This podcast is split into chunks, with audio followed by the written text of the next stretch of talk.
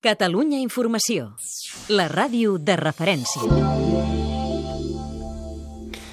Nit important aquesta a la Unió Europea pel fet que hi ha un país que s'hi incorpora. Croàcia celebrarà aquesta nit amb una gran festa a la capital, el seu ingrés a la Unió Europea. Es fa efectiu, per tant, a la mitjanit. Entre l'alegria i l'escepticisme, els croats esperen que el seu nou estatus com a 28è membre de la Unió els ajudi a sortir de la recessió econòmica. Enviada especial a Zagreb, Maria Alba Gilabert. La festa ha començat al centre de Belgrat. Enmig de grans mesures de seguretat, tres hores abans que s'iniciés, s'ha permès als ciutadans començar-hi a entrar. Després de registrar les bosses que duien a sobre i passar per detectors de metalls com els que s'usen als aeroports, han anat accedint d'una en una totes les persones que a aquesta hora ja són milers a la plaça del centre de la ciutat. Persones com aquesta jove que deia que estava molt contenta que hi hagi arribat aquest dia.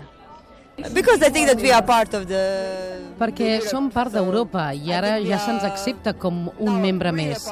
Per mi no hi ha cap diferència. Ja em sentia que era part d'Europa. Simplement que ara, per fi, s'ha acabat tot el procés.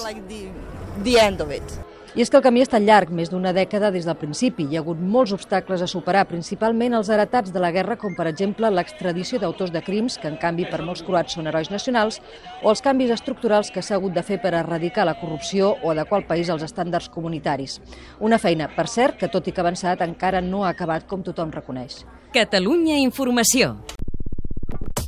Projecte Explica Europa a Europa amb el suport de la Comissió Europea.